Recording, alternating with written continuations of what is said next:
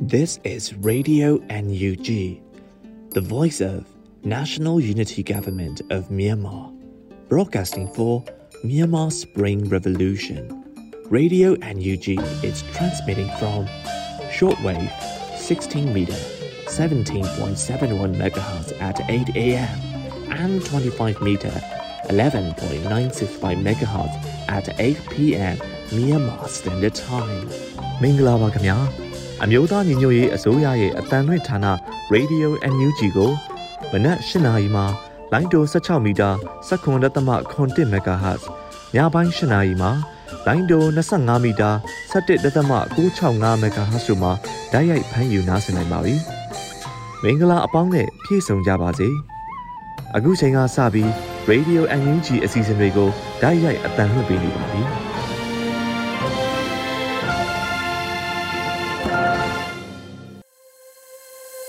မြန်မာနိုင်ငံသူနိုင်ငံသားအပေါင်းတဘာဝပြီးစစ်အာဏာရှင်ပြည်တို့ကနေကင်းဝေးပြီးကိုစိတ်နှစ်ပါးဘေးကင်းလုံခြုံကြပါစေလို့ရေဒီယို NUG ဖွဲ့သားများကဆုတောင်းမေတ္တာပို့သလိုက်ရပါတယ်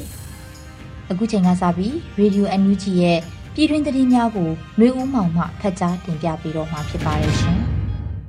။မင်္ဂလာပါခင်ဗျာ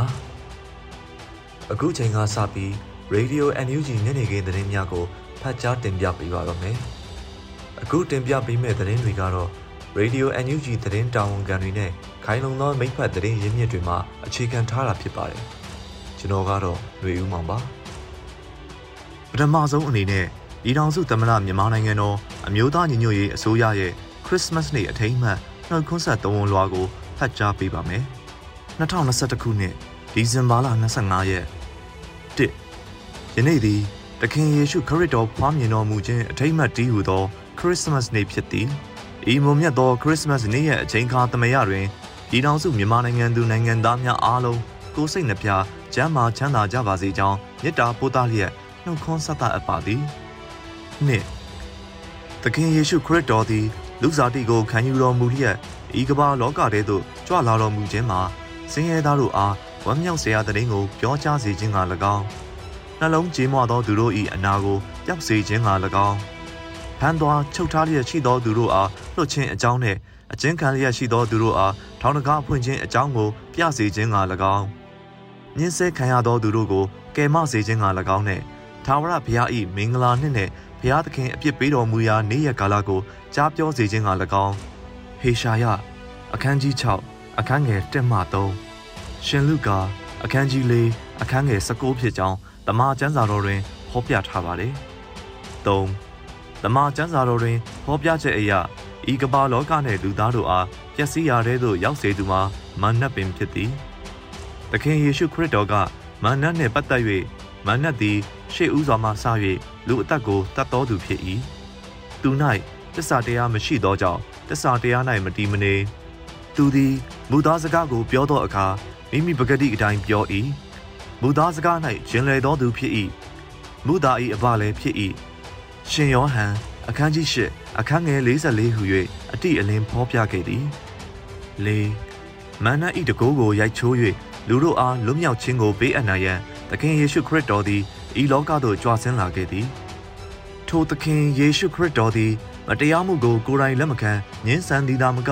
မတရားပြုသူများနှင့်မတရားကိုမြင်တွေ့နေတော်လဲရေငုံနှုတ်ပိတ်နေကြသူများအားပြင်းထန်စွာထောက်ပြခဲ့သည်ထို့အတူ နတ်ဆိုးနှင့်အလားတန်တူသောကျူးကျော်အုပ်ဆိုးသူများအားမောင်းထုတ်ဖဲရှားနိုင်မှသာစမှန်သည့်ငြိမ်းချမ်းမှုနှင့်လူပီတာသည့်ဘဝရရှိနိုင်မည်ဟုလေကောင်နတ်ဆိုးဆွဲသောဂါဒရပြည်သား၏ဖြစ်ရက်ရှင်လုကာအခန်းကြီး၈အခန်းငယ်26မှ39ဖြင့်သုံးသင်တော်မူခဲ့သည်ငါ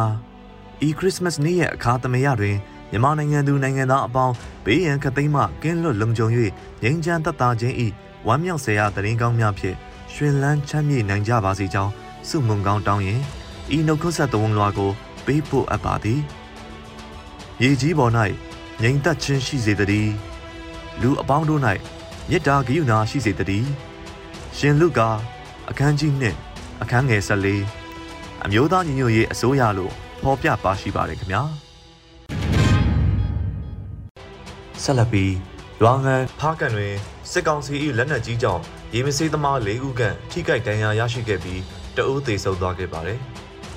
ဖားကံမှာအာနာသိန်းစစ်ကောင်စီတပ်ဖွဲ့လက်နက်ကြီးပစ်ခတ်မှုကြောင့်ရေမစေးသမားတွေ၄ဦးထပ်မံနဲ့ကြီးထိမှန်ဒဏ်ရာရရှိကတအူးသေးဆုံးသွားတယ်လို့သိရပါတယ်။ဒီဇင်ဘာ23ရက်နေ့ည8နာရီဝန်းကျင်မှာဖားကန်စစ်ဗျူဟာကုန်းကနေလက်နက်ကြီးပစ်ခတ်ခဲ့တာကြောင့်မမောလီယန်အနီးအင်ဘလာခရှိကြောက်စိမ်းကုမ္ပဏီဝင်တစ်ခုမှာလက်နက်ကြီးနှလုံးပောက်ကွဲမှုဖြစ်ပွားခဲ့တယ်လို့ဒေသခံတို့ကပြောပါတယ်။ဖြစ်သွားတာက ည8နာရီလောက်ကဟုတ်တယ်။ဗျူဟာကုန်းကနေ၄နေရာဘက်ကိုလက်နက်ကြီးလှမ်းပစ်တာအင်ဘလာခမှာကနှလုံးကျတယ်။အဲ့မှာရှိတဲ့လောက်ကွက်ကုမ္ပဏီဝင်းမှာကြလို့ဗဟိုးမောင်းတဲ့သူကအဲ့နေရာမှာပဲပွဲချင်းပြီးဆုံးသွားတယ်။ထိကြိုက်ဒဏ်ရာရတဲ့သူတွေလည်းပါတယ်လို့ပြောပါတယ်။စစ်ကောင်စီတပ်ရဲ့လက်နက်ကြီးကြားရောက်ပောက်ကွဲမှုကြောင့်ဒဏ်ရာရသူ၄ဦးအနက်တဦးမှာပြင်းထန်စွာဒဏ်ရာရရှိထားကြောင်းသိရပါတယ်။အဲဒီလိုလက်နက်ကြီးပောက်ကွဲမှုဖြစ်ခဲ့တာဟာ မြန်မာသူရကုမ္ပဏီလောက်ကွက်ဟောင်းနေရာဖြစ်ပြီးလောက်ကွက်အတွင်းအသုံးပြုနေတဲ့ဗန်ဟိုးနှစ်စီးလဲထိခိုက်ပျက်စီးမှုရှိခဲ့တယ်လို့သိရပါတယ်။စစ်ကောင်စီတပ်ဖွဲ့ရဲ့လက်နက်ကြီးရန်တမ်းပစ်ခတ်မှုမှာဒီဇင်ဘာ23ရက်နေ့ညနေပိုင်း3နာရီဝန်းကျင်လောက်မှာအင်နော်ဂျီဒေတာဘက်ကတက်လာတဲ့စစ်ကောင်စီတပ်ဖွဲ့အင်အား80ဝန်းကျင်လောက်ကို KIA ကဝစ်ခါမော်အနီးမှာမိုင်းခွဲတိုက်ခိုက်ခဲ့တာကြောင့်ရန်လဲချင်းချမှုဖြစ်နိုင်တယ်လို့ဒေသခံတချို့ရဲ့ပြောဆိုချက်များအရသိရပါတယ်ခင်ဗျာ။ ဘာထူးတက်မှစစ်သားများလမ်းသွားလမ်းလာများကိုတားဆီးရိုက်နှက်စစ်ဆေးနေတဲ့တဲ့ရှမ်းပြည်တောင်ပိုင်းရက်ဆောင်မြို့နယ်ဘာထူးတက်ကတပ်သားတွေဟာလမ်းသွားလမ်းလာပြည်သူတွေကိုတားဆီးပြီးစစ်ဆေးမှုတွေပြုလုပ်ရမှာရိုက်နှက်မှုတွေပါရှိနေကြောင်းသိရပါတယ်။ပြီးခဲ့တဲ့ဒီဇင်ဘာလ22ရက်နေ့ည6နာရီခွဲဝန်းကျင်အချိန်မှာအပြင်ထွက်လာတဲ့လူငယ်2ဦးကိုဘာထူးတက်မှတပ်သားတို့ကတားဆီးစစ်ဆေးပြီးရိုက်နှက်ခြင်းလည်းရှိခဲ့တယ်လို့သိရပါတယ်။ ည9နာရီတောင်မထိုးသေးဘူးအပြင်ထွက်လာတဲ့ပြည်သူတွေကိုတားပြီးစစ်တယ်။အများစုကတော့လူငယ်တွေကိုတားပြီးစစ်တာအပြင်ထွက်လာတာတချို့ကဖုန်းမပါလာလို့ပါရိုက်ခံရတာရှိတယ်။ကျွန်တော်ရှေ့ကဖြတ်သွားတဲ့လူငယ်စုံတွဲ2ဦးကဒုံးနဲ့3ချက်လောက်အရိုက်ခံရတယ်လို့မျက်မြင်တွေ့ရတဲ့အသက်20ကျော်အရွယ်လူငယ်တဦးကပြောပါတယ်။ရည်သည့်ထုတ်ပြန်ချက်မှမရှိဘဲဘာထူးတက်ရှိကဖြတ်တန်းသွားလာတဲ့ပြည်သူတွေကိုတားဆီးစစ်ဆေးတာအပြင် ရိုက်နှက်တာတွေလည်းရှိတဲ့အတွက်မတရားလုပ်ရဖြစ်ကြောင်းပြည်သူတွေကစုံနေကြပါတယ်။စစ်ကောင်စီကနိုင်ငံတော်အာဏာသိမ်းပြီးနောက်ပိုင်းမှာပြည်သူများအကြောင်းမဲ့ပြစ်ဒဏ်ခံရခြင်းဖမ်းဆီးခံရခြင်းအကြောင်းမဲ့ရိုက်နှက်ခံရခြင်းများလည်းရှိနေပါတယ်။ဆက်လက်ပြီးဗိတ်တဝဲခရီးသည်တင်ရင်နှန်းကိုစစ်ကောင်စီတပ်ပြစ်ခတ်တိုက်ခိုက်ရာ၃ဦးဒဏ်ရာရရှိခဲ့တဲ့တဲ့တင်ကတင်ဆက်ပေးပါမယ်။ တဝဲခရိုင်တရက်ချောင်းမြို့နယ်ပြင်းဖြူကြီးကျေးရွာအုပ်စုပိတန်ရွာမှာခရီးသည်တွေလိုက်ပါလာတဲ့ရင်တန်းကိုဒီဇင်ဘာလ24ရက်နေ့မနက်အစောပိုင်းကတိုက်ခိုက်ခံခဲ့ရကြောင်းသိရပါတယ်။မနက်၄နာရီခန့်ကဗိတ်ပမတဝဲဘက်ကိုဦးတည်လာတဲ့ခရီးသည်တင်ရင်တန်းဟာအဆိုပါရွာအနီးမှာတိုက်ခိုက်ခံရတာဖြစ်တယ်လို့ဒေသခံတို့ကပြောပါတယ်။ခီးတဲ့ရင်တန်းရှိမှတခုခုပောက်ခွဲပြီးစစ်ကောင်စီတပ်သားတွေကတနက်နဲ့10ချက်လောက်ကားပေါ်ပစ်တယ်လို့သူကပြောပါတယ်။အဲဒီနောက် ရှေ့ဆုံးရင်မှာပောက်ကွဲမှုကြောင့်ကားရှေ့မှန်ထိပြီးနတ်မေးမှန်တနက်ပစ်ခံရကခီးတဲ့နှစ်ဦးဒဏ်ရာရရှိကြောင်းနောက်ကားတစ်စီးမှာကားရှေ့မှန်ကွဲကရင်မောင်းနေရွက်ကြီးထိမှန်ခဲ့ကြောင်းဒေသခံကပြောပါတယ်။နောက်ဆုံးတစ်စီးကတော့ကားရှေ့မှန်ကွဲပြီးထိခိုက်ဒဏ်ရာရရှိသူမရှိဘူးလို့သိရပါတယ်။အဲ့ဒီလိုဒဏ်ရာရရှိတဲ့ခရီးသည်တွေကိုစစ်ကောင်စီတပ်ကဒဝဲတက်နယ်စေယုံကိုခေါ်ဆောင်သွားပြီးစေကူတာမှုပေးနေကြောင်းမြင်တွေ့ခဲ့ရသူတို့ကပြောပါတယ်ခင်ဗျာ ဆက်လက်ပြီးရွာငံနပန်းကြီးရွာကိုစစ်တပ်ကဝင်ငွေခဲ့ပြီးလူနေအိမ်များကိုလိုက်လံဖျက်ဆီးကလက်ရှိအချိန်ထိရွာသူရွာသား150ကျော်ခန့်ဖမ်းဆီးခံထားရတဲ့တရင်ကိုတင်ဆက်ပေးပါမယ်။ဗနုကိုပိုင်အုပ်ချုပ်ခွင့်ရဒေသရွာငံမြို့နယ်နပန်းကြီးကျေးရွာမှာဒီဇင်ဘာ22ရက်နေ့ကစစ်ကောင်စီခန့်အုပ်ချုပ်ရေးမှူးတဦးအသက်ခံရပြီးနောက်ဒီဇင်ဘာ23ရက်ည8နာရီခန့်မှစပြီးစစ်ကောင်စီကရွာတွင်းကိုစစ်ကား၈စီးနဲ့ဝင်ရောက်လာက လူနေအိမ်တွေကိုဖျက်ဆီးအပြစ်မဲ့ရွာသူရွာသားတွေကိုဖမ်းဆီးနှိပ်စက်တာတွေကိုဥပဒေမဲ့စွာလှုပ်ဆောင်ခဲ့တယ်လို့သိရပါတယ်။ရွာငံမြို့နယ်နပန်းကြီးရွာကိုအဲ့ဒီမနက်ပိုင်းမှာအကြမ်းဖက်စစ်ကောင်စီကအင်အားအများအပြားနဲ့ရွာအဝင်အထွက်လမ်းတွေကိုပိတ်ဆို့ပြီးတအိမ်တက်ဆင်းကလေးမိမတက်ကြီးရွယ်အိုပါမချမ်းတွေ့ရလူတွေကိုဖမ်းဆီးနေကြောင်းသိရပါတယ်။အခုမနက်နပန်းကြီးရွာမှာစစ်တပ်ကလူကြီးလူငယ်အကုန်ဝင်ဆွဲနေလို့ထွက်ပြေးနေကြရတယ်။ လူတွေလည်းအတော်ပါကုန်ပြီးမိမတွေအသက်ကြီးရဲ့လူတွေတောင်ဖမ်းနေရွာကိုဝင်ဝင်နေပြီအကိုကြီးကားတွေမှအများကြီးပဲရွာထဲမှာဝင်ဝင်လို့အကုန်ပြေးနေရပြီတအိမ်တက်ချင်းလိုက်ဖမ်းနေတာဗျရွာတောင်ပိုင်းတပိုင်းလုံးနီးပါအဖမ်းခံရတာဗျာလို့ဒေသခံတူကပြောပါတယ်။အဲ့ဒီနောက်ည12နာရီကျော်အချိန်လောက်မှာစစ်ကားနှစ်စီးနဲ့ထပ်မံရောက်ရှိလာပြီးရွာလုံးကိုမှွေနောက်ကတွေးသမျှမိန်းမကလေးတက်ကြီးရွယ်ဦးပါမကျန်ဖမ်းဆီးခေါ်ဆောင်သွားခဲ့တယ်လို့သိရပါတယ်။ နောက်နေ့မနက်ပိုင်း9နာရီကစပြီးရွာတွင်းကိုအင်အားအလုံးအင်းဖြစ်ထပ်မံဝင်ရောက်လာကလိုက်လံဖမ်းဆီးနေတဲ့အတွက်အချို့ရွာသူရွာသားတွေထွက်ပြေးတိမ်းရှောင်နေရပြီးလက်ရှိအချိန်ထိဖမ်းဆီးခံအပြစ်မဲ့ပြည်သူဥယေ150ကျော်ခန့်ရှိနေပြီဖြစ်ကြောင်းသိရပါတယ်။ရွာငံနပန်းကြီးမှာဒီဇင်ဘာ22ရက်နေ့ကစစ်ကောင်စီတရင်ပေးဒလန်တူအသက်ခံရမှုကြောင့်အကြမ်းဖက်စစ်တပ်ကအခုလိုမဆိုင်သူတွေကိုရန်တမ်းဖမ်းဆီးနေတာဖြစ်ပါတယ်။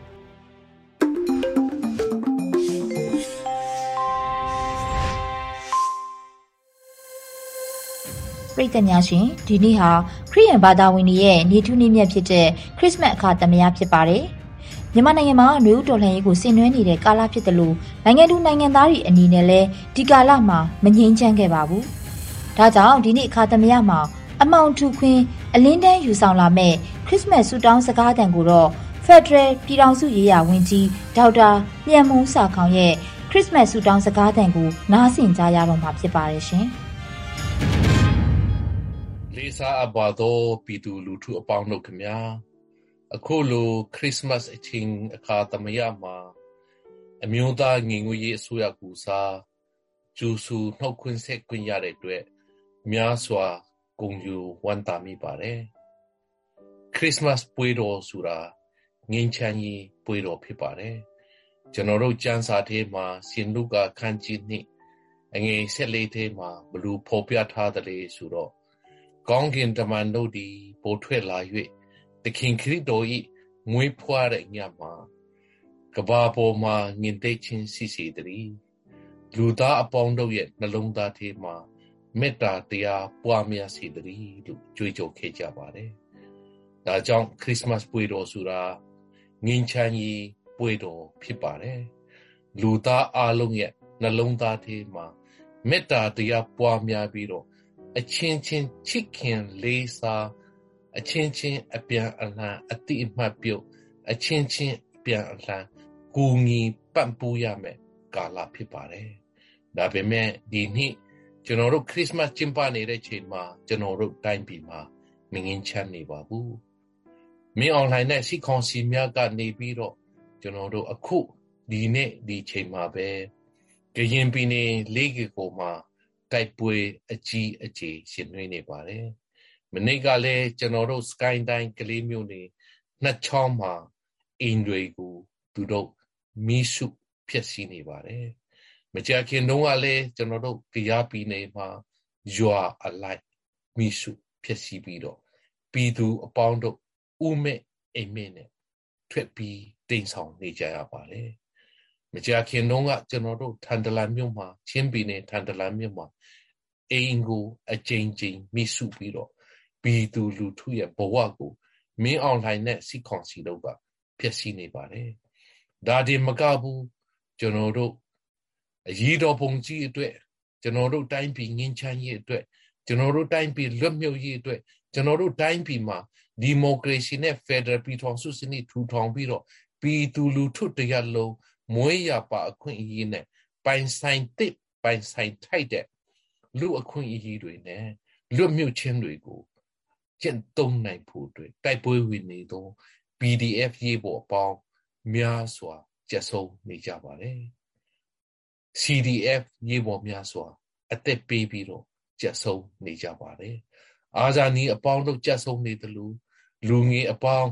ပြည်သူလူထုအပေါင်းတို့လေအမှန်တရားအတွက် တိုက်ပွဲဝင်ရင်းနဲ့အကျဉ်းချခြင်းခံနေရပါတယ်ထောင်ချခြင်းကိုခံနေရပါတယ်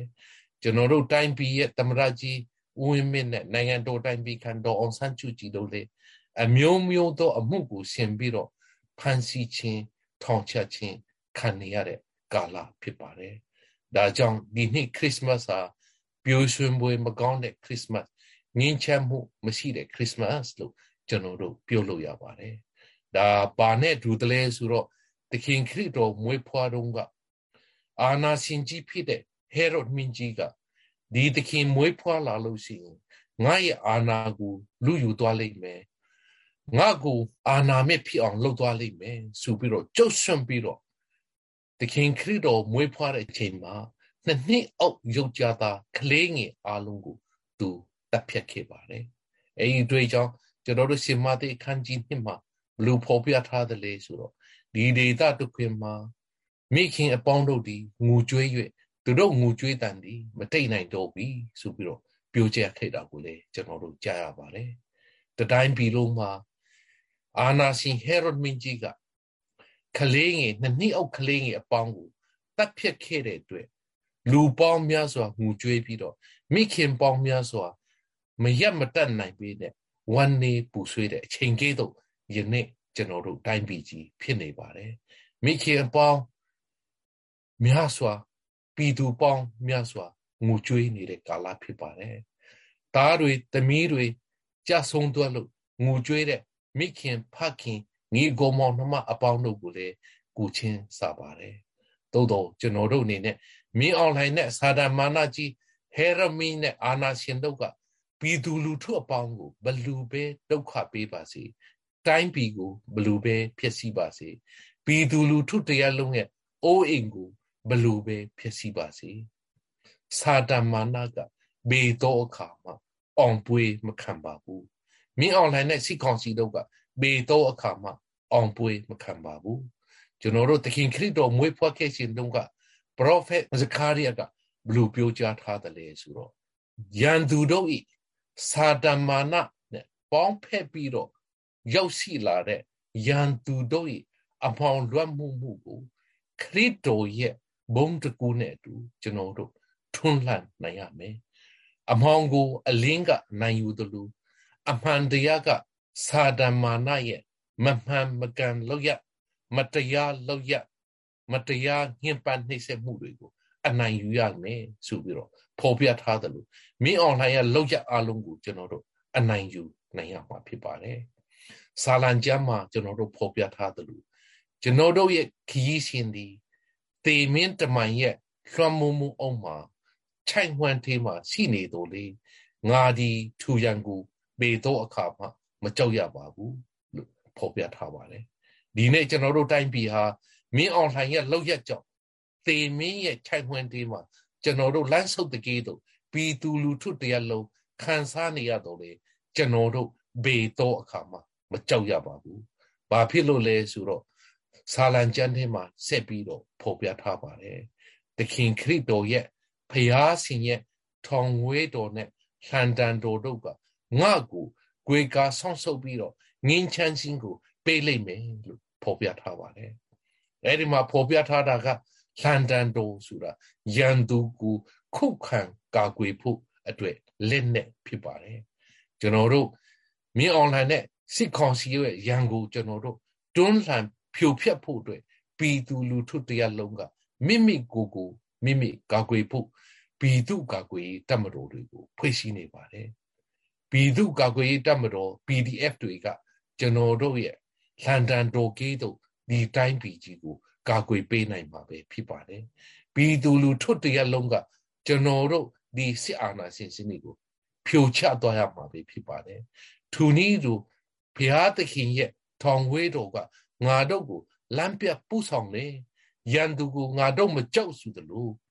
ထောင်ဝေးတော်ဆိုတာကျွန်တော်တို့အနာဂတ်ကြီးကိုခြိတက်တဲ့နေရာမှာလမ်းပြတဲ့ကရိယာတစ်ခုဖြစ်ပါတယ်ကျွန်တော်တို့တိုင်းပြည်ရဲ့အနာဂတ်ကိုအခုဘီသူလူထုတရလုံးကျွန်တော်ဆန္ဒပြတဲ့အခါမှာလမ်းမပေါ်ခြိတက်ရင်ကြွေးကြော်တဲ့ Federal Democracy ပြည်ထောင်စုတည်ဆောက်ရေးဆိုတာကျွန်တော်တို့အနာဂတ်ကိုလမ်းပြတဲ့ ထောင်ဝေးတော်ပဲဖြစ်ပါတယ်ကျွန်တော်တို့အမျိုးသားညီညွတ်ရေးဆိုရကဖော်ဆောင်နေတဲ့ Federal Democracy ပြည်ထောင်စုထူထောင်ရေး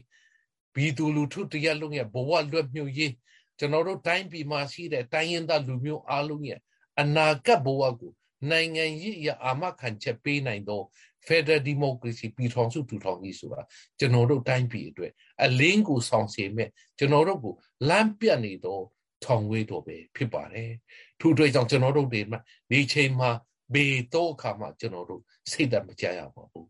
ဘေတော့အခါမှရန်သူကြောင့်ကျွန်တော်တို့မတုံ့လှုပ်ရပါဘူးဘာဖြစ်လို့လဲဆိုတော့နှုတ်ဆုံးသောနေ့မှာအမှန်တရားကပဲအနိုင်ယူမှာဖြစ်ပါတယ်ကျွန်တော်တို့စံစာထဲမှာဖော်ပြထားပါတယ်အမှန်တရားကတင်တို့ကိုလွတ်မြုပ်စေလိမ့်မယ်တဲ့ကျွန်ကျွန်တော်တို့ပြည်သူလူထုတရားလုံးက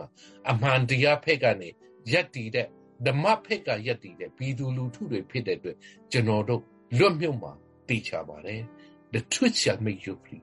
အမှန်တရားပေါ်မှာကျွန်တော်တို့ယက်တည်တဲ့အတွက်တရားမျှတမှုပေါ်မှာကျွန်တော်တို့ယက်တည်တဲ့အတွက်ငြိမ်းချမ်းရေးအတွက်ကျွန်တော်တို့လှုပ်ဆောင်နေတဲ့ဘီသူလူထုဖြစ်တဲ့အတွက်ကျွန်တော်တို့တိုင်းပြည်ရဲ့အနာဂတ်ကို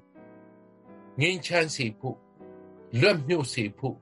ဘီသူလူထုအပေါင်းပေါင်းတို့ကလွတ်လပ်မှုကိုခံစားနိုင်ဖို့လူခွင့်ရေးကိုခံစားနိုင်ဖို့ လူသားတို့ရဲ့မွေးရပါအခွင့်အရေးအလုံးကိုခံစားနိုင်ဖို့အတွက်ဒေါ်လှန်တိုက်ပွဲဝင်နေတဲ့ကျွန်တော်တို့ဖြစ်တဲ့အတွက်ပြည်သူလူထုတရားလုံးကပဲအနိုင်ယူအောင်ပွေးခံမှာဖြစ်ပါတယ်အမျိုးသားညီညွတ်ရေးအစိုးရပဲအနိုင်ယူအောင်ပွေးခံမှာဖြစ်ပါတယ်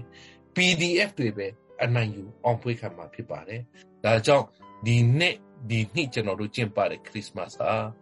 ဒီလိုကြည့်လိုက်လို့ရှိရင် ဝမ်းနေဖွေကောင်းသောခရစ်စမတ်လို့ခံစားနေကြရပေမဲ့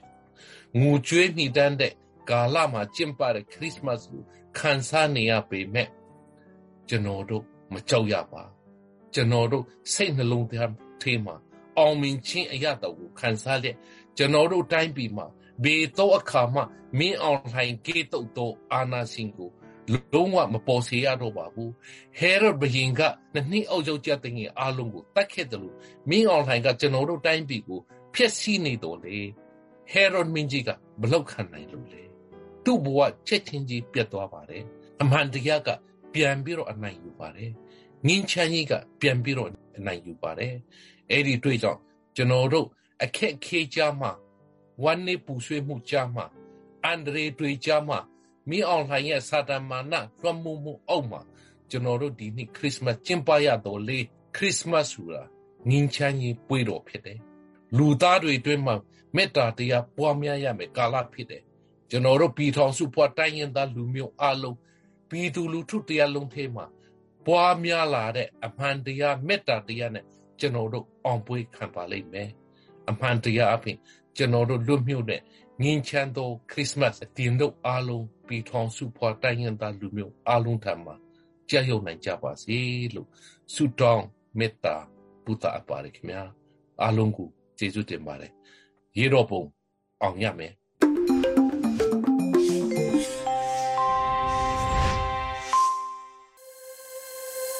အခုဆက်လက်ပြီးနားဆင်ကြရမှာကတော့တော်လှန်ရေးဆောင်ပါအစီအစဉ်ဖြစ်ပါတယ်။တိုက်ပွဲအချိန်မြင့်လာတဲ့ 4K ကောဒေတာနဲ့ကရင်ပြည်နယ်လို့အမည်ရတဲ့မိုးမခသတင်းမြင်ကွင်းဆောင်ပါကိုတော့ရွေဦးမိုးမှဖတ်ကြားတင်ပြပေးထားပါတယ်ရှင်။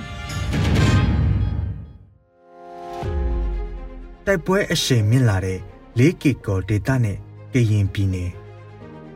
ဒီဇင်ဘာ15ရက်နေ့ကစတင်ဖြစ်ပွားခဲ့တဲ့ 4K ကောဒေတာကတိုက်ပွဲတွေဟာတပတ်ကျော်အကြာမှာတော့တဖြည်းဖြည်းနဲ့ကျေပြန့်လာနေပြီးအရှိန်မြင့်လာနေတာလည်းဖြစ်ပါတယ်။ 15ရက်နေ့နေ့လယ်ကစတင်ဖြစ်ပွားခဲ့တဲ့ KNU နဲ့စက်ကောင်စီအကြားကတိုက်ပွဲဟာပိုပြီးကြည်ကြဲပြန့်ပြန့်ဖြစ်ပွားလာမဲ့အလားအလာတွေလည်းရှိနေတာတွေ့ရပါတယ်။ဒီနေ့ဒီဇင်ဘာ23ရက်နေ့ညပိုင်းမှာတော့လေရင်နဲ့ပထမဆုံးဘုံကျဲတိုက်ခိုက်ခဲ့တယ်လို့ဆိုပါတယ်။ဘုံကျဲမှုကြောင့်လူအထိအခိုက်မရှိဘူးလို့တော့ KIC သတင်းမှာဖော်ပြထားပြီးလက်နက်ကြီးအချက်90လောက်ပစ်ခတ်ခဲ့တယ်လို့လည်းသတင်းမှာဖော်ပြထားပါတယ်။ မြေပြင်တိုက်ပွဲတွေကိုရဟတ်ရင်နဲ့အကူပစ်ခတ်ပေးနေတာတော့အရင်ရက်တွေကတည်းကသတင်းတွေထဲပါရှိပေမဲ့လေရင်နဲ့ဘုံကျဲတာ၄ကစ်ကောတိုက်ပွဲဖြစ်ပွားခဲ့တဲ့ကပထမဆုံးအဖြစ်အပျက်ဖြစ်ပါတယ်။အာနာသိမ့်ပြီးနောက် KNU ရဲ့တပ်မဟာ9 area ထဲကစစ်ကောင်စီချေကုတ်စခန်းတွေကို KNU ဝင်သိမ်းခဲ့ပြီးနောက်မှာလဲအဲ့ဒီဒေသကကျေးရွာတွေနဲ့စခန်းတွေအပေါ်စစ်ကောင်စီကလေရင်နဲ့ပုံကျဲခဲ့ပူတာဖြစ်ပါတယ်။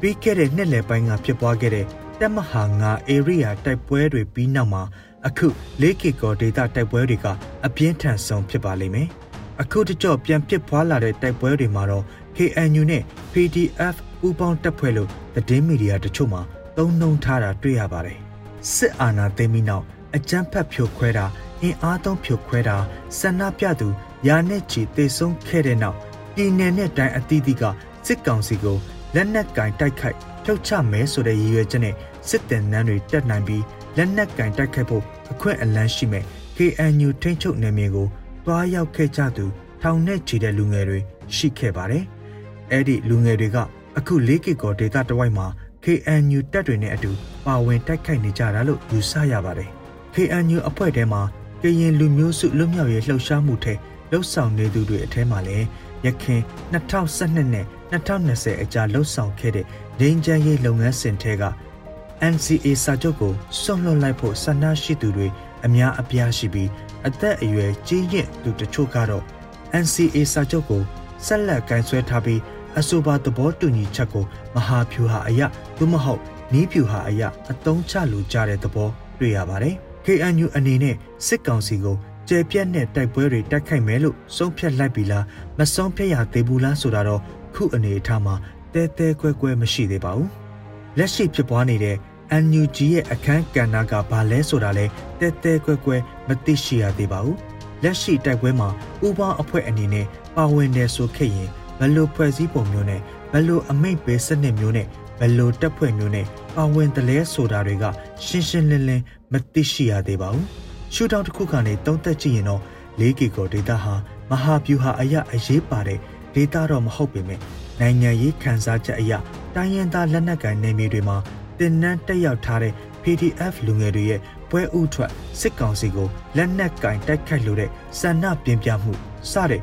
လူထုကိုလှုံ့ဆော်စည်းရုံးမှုတွေအရတော့အာယုံစက်ခံရတဲ့တိုက်ပွဲတစ်ခုဖြစ်ပါတယ်။ဒီတိုက်ပွဲတွေကနေကရင်ပြည်နယ်တစ်ခုလုံးနဲ့ KNU လက်နက်ကင်တပ်တွေရှိတဲ့ပဲခူးတိုင်းမွန်ပြည်နယ်တနင်္သာရီစတဲ့ဒေသတွေပါ ပြန့်နှံ့ဖြစ်ပွားလာမလားဆိုတာတော့ခုနေအခါမှာခံမှန်းပြောဆိုဖို့စောပါသေးတယ်။တစ်ဖက်မှာလည်းစစ်ကောင်စီအနေနဲ့ဒီတိုက်ပွဲဖြစ်လာမယ့်အလားအလာကိုမှန်းဆထားပြီးဖြစ်တယ်လို့ယူဆရပါတယ်။ NUG နဲ့ဆက်ဆက်တဲ့နိုင်ငံရေးသမားတွေတက်ကြွလှုပ်ရှားသူတွေရှိတဲ့နေရာစစ်ရေးအရာတင်းတင်းကြပ်ကြပ်ထိန်းချုပ်ထားတာမဟုတ်တဲ့နေရာကိုပြစ်မှတ်ထားပြီးဝေရောက်ဖမ်းဆီးရာကနေလက်နက်ကင်တိုက်ပွဲတွေကျယ်ပြန့်လာနေတာမှန်းဆထားပြီးဖြစ်ပါလိမ့်မယ်။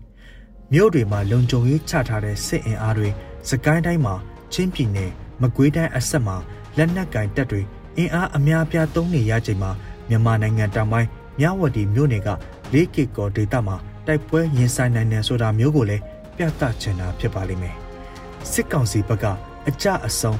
အသေးအပြောက်များနေသည့်တိုင်သူတို့ရဲ့တပ်တွေကိုနေရာချနိုင်လှုပ်ရှားနိုင်စစ်စင်ရေးသဘောမျိုးရင်ဆိုင်တိုက်ခိုက်နိုင်တယ်ဆိုတာမျိုး ပြသချင်တာဖြစ်ကောင်းဖြစ်ပါလိမ့်မယ်။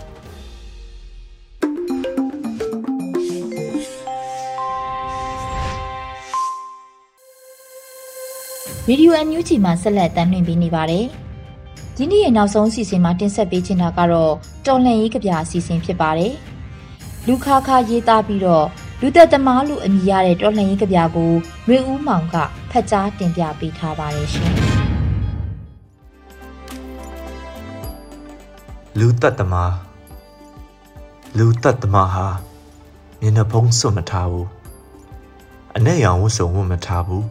။လူသက်သမားဟာလူတွေနဲ့ရောထွေးနေထိုင်လူတွေလိုအယောင်ဆောင်နေကြတယ်လူသက်သမားဟာလူကြီးလူကောင်းဆန်းတယ်လူသက်သမားကသူတော်ကောင်းတရားတွေဟောတယ်လူယောင်ဆောင်ထားတယ် လူအယောင်ဆောင်ထားတဲ့လူအတုတွေရှိတယ်လူအစ်စ်ကိုငါတို့မတွေ့ခင်လူအယောင်ဆောင်ထားတဲ့လူကပဲငါတို့နောက်ကျောကိုဓားနဲ့ထိုးမှလူသက်သမားကိုငါတွေ့တယ်လူသက်သမားဟာလူရောင်ဆောင်ထားတဲ့သူဖြစ်နေတယ်လူခါခါ